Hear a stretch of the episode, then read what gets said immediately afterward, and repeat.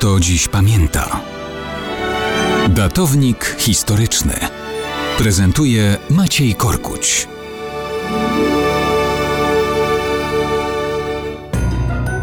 Mało kto dziś pamięta, że 9 stycznia 1514 roku, czyli równe 505 lat temu, w Château de Blois zakończyła życie Anne de Bretagne, księżna Brytanii, ale i królowa Francji, której ponoć wszystkie kobiety dzisiaj zawdzięczają suknie ślubne.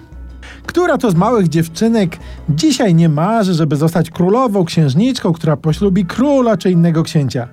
Anne de Bretagne, znana u nas jako Anna Bretońska, też poślubiła księcia, nawet arcyksięcia, Maksymiliana Habsburga, który potem został cesarzem jako Maksymilian I.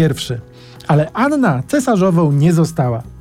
W marzeniach małych dziewczynek nie ma miejsca na takie rzeczy jak ślub zawierany na odległość per procura, a tym bardziej na to, że po różnych interwencjach politycznych taki ślub zostaje przez papieża unieważniony.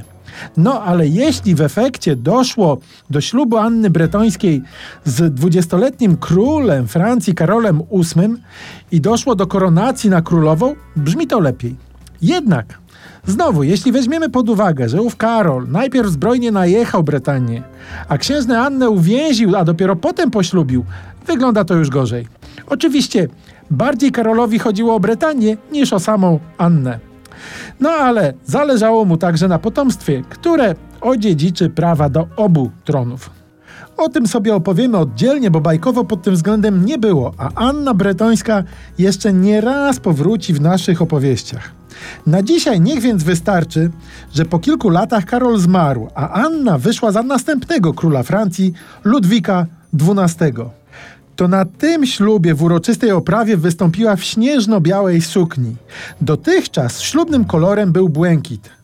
I choć nie były to czasy dyktatorów mody, to właśnie ten ślub zapoczątkował modę na białe suknie ślubne.